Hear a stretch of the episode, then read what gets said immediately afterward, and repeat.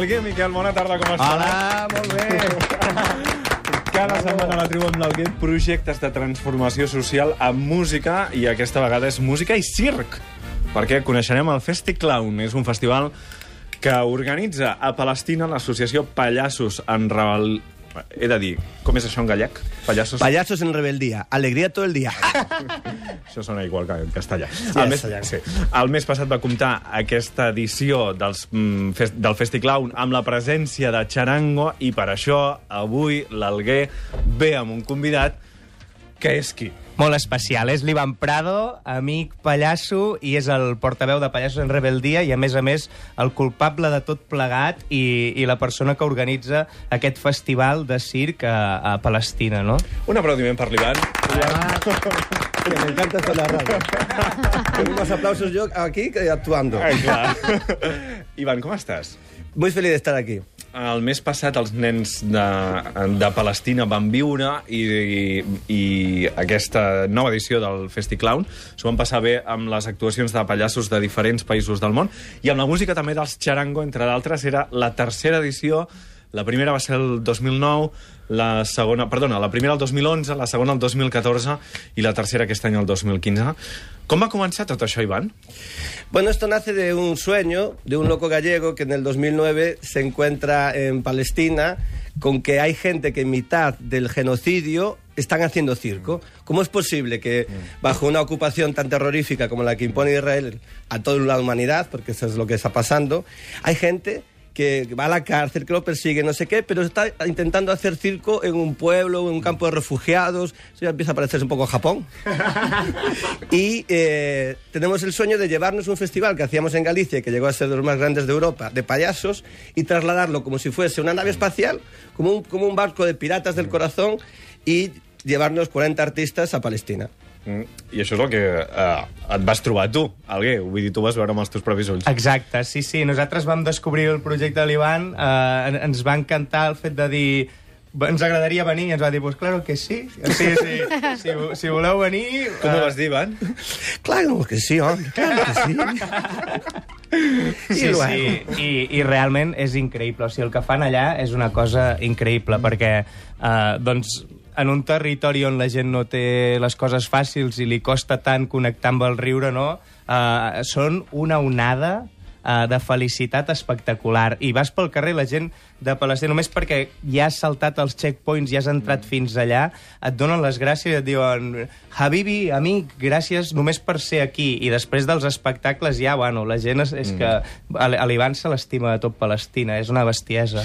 Això va ser el 7 al 16 de setembre, després vau tornar cap aquí i des d'aleshores la situació, si no era prou complicada, s'ha complicat encara més Sí. amb aquesta nova intifada, amb, mm. amb una onada de violència sí. eh, Sí. de nou brutal. I jo no sé, Ivan, si els contactes que teniu allà, la gent que teniu allà, els amics que heu deixat a Palestina, eh, us estan explicant i teniu contacte eh, habitual, us estan explicant mm. quina és la situació. Sí, de hecho tenemos amigos en la cárcel. Gente extraordinaria maravillosa que lo único que hacen es amar la libertad y creer que es posible vivir en un país en, en democracia y en paz, ¿no? Y es muy duro, después de visitar una escuela en Nablus, de trabajar con esos niños y esas niñas y hacer un bolo extraordinario gracias a la magia que despliegan los charangos y encontrarte con que esa escuela ya no está abierta porque los niños tienen miedo de salir a la calle porque les disparan los israelíes, ¿no? Entonces ese es nuestro público, esa es nuestra realidad. Yo he trabajado en Gaza en el 2003 en la segunda intifada bajo las bombas, literalmente cayendo a 400 metros de nosotros el mortero israelí y los niños y las niñas aplaudiendo en pie y cantando para que los payasos tuviésemos la valentía de salir al escenario porque querían vivir una hora de espectáculo, una hora de, de utopía, una hora de esperanza y de alegría, ¿no? Y cuando tú tienes ese público que ama tanto tu trabajo, que te abre la casa, que te mira con la luz en los ojos, que después de 70 años de ocupación siguen siendo seres humanos, que no despliegan banderas de odio, ni siquiera tienen un discurso en contra, simplemente quieren ser libres y, y te enteras de todo lo que está pasando, pues a mí, se te pone la, la piel de gallina en el alma. Mm. Uh, aquesta vegada, a més, de, a més de pallassos, hi havia un grup de música en directe, que era els Charango. Ells us van demanar, uh, us van demanar de participar i vosaltres de seguida ho vau veure clar. Però com es casava això? Què vau pensar que podien fer els xarangó quan arribessin allà amb els pallassos? Bueno, yo te quiero decir que ellos son los responsables directos de que hubiera un Festiclown por tercera vez. Porque el Festiclown es el único festival de payasos en el mundo árabe, ¿vale? Es el único festival internacional de circo a favor de la libertad de Palestina. Pero esta tercera edición nace porque el Alguer, el Sergio y todo el mundo dice queremos hacer un Festiclown con vosotros en Palestina. Entonces ya ese impulso ha sido fundamental. Pero luego es que casaba toda la música, que cuando trabajábamos en directo, cuando hacíamos las acrobacias, las tonterías del payaso, la magia poética, toda la música que ellos iban incorporando como una banda sonora improvisada y sobre la marcha y que cada día iba mejorando, hacía que nuestra arte se desarrollase mucho más. Yo, personalmente, como artista, he crecido al lado de esta gente. I nosaltres, sí, o sigui, no només la vivència personal, que és una cosa que no es pot arribar a valorar, encara no ho podem fer, sinó a nivell artístic, no? el fet de nosaltres a sumar-nos a tot tipus de shows, ja fos al carrer, ja fos acompanyant els espectacles de circ o en concerts normals, o amb músics d'allà que, que gràcies a l'Ivan havien organitzat trobades perquè poguessin barrejar música, va ser una cosa totalment increïble. Vam fer un munt de coses diferents en escoles, en camps de refugiats, també amb, amb, amb nens. Vam muntar una banda allà, fins i tot, que, que bueno, el Pau va preparar un taller de percussió i, i amb objectes com llaunes, com galledes i trastos així, vam intentar muntar tota una banda de carrer com la que havíem muntat per anar fins allà. Així sonava. Tenemos latas. ¿Ok? Agafaven una llauna, no? Sí. Començaven a picar, però Exacte. després la cosa va anar creixent, perquè Sí. no era només una llauna. No, vam estar tonejant els instruments, vam, vam Unes fer baquetes, doncs, diferents sí, tambors, vam estar fent shakers i un munt de coses, i al final vam acabar muntant doncs, una espècie de- d'orquestra i banda que estava preparada per fer un bolo eh, l'endemà. I sonava així.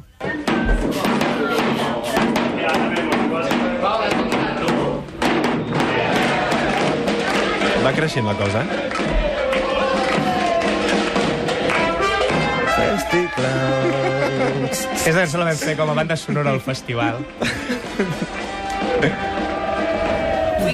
A veure, s'ha de dir que és un vídeo que, i que vam fer el que vam poder i eren nens i tot. Ara mateix Però- el pengem perquè es vegi exactament Sí. la feina que veu fer. És Però- un vídeo meravellós. És, És un que- vídeo meravellós que ara mateix distribuïm a través de xarxes socials. No, va, va ser Facebook, màgic, Twitter de, va ser màgic. I, de, fet, tribu. amb ells, amb aquests nens, havíem de fer un passacarrers l'endemà eh, pel carrer principal de Nablus, a la Ciutat Vella, que vam haver de suspendre perquè un jove justament d'aquest carrer, el que havien disparat eh, els soldats israelians, com passa tantes vegades, i com malauradament no queda reflectit als mitjans de comunicació, pensem nosaltres, en, en, de la manera que hauria de quedar reflectit, doncs es va morir aquell, aquell mateix dia i vam suspendre aquesta actuació. Va ser l'única que vam suspendre, però va ser un moment molt trist, realment. Mm. A banda d'aquest eh, d'aquest taller de percussió, vau tenir concerts, oi, també? Sí, exacte, vam fer de tot i, i bueno, intercanviar música i alguns concerts eh, normals, com a Nablus, com a diferents camps de refugiats. Sí, sí, vam poder fer moltes coses diferents. I quina era la, la reacció de la gent? Brutal. La gent ens rebia amb una alegria ballant, a més ens sap molt de ballar. És gent molt alegre, o sigui, el que ens va sorprendre Saben més era... ballar molt? Sí, sí, més que nosaltres. Més que els catalans. Sí, sí, sí.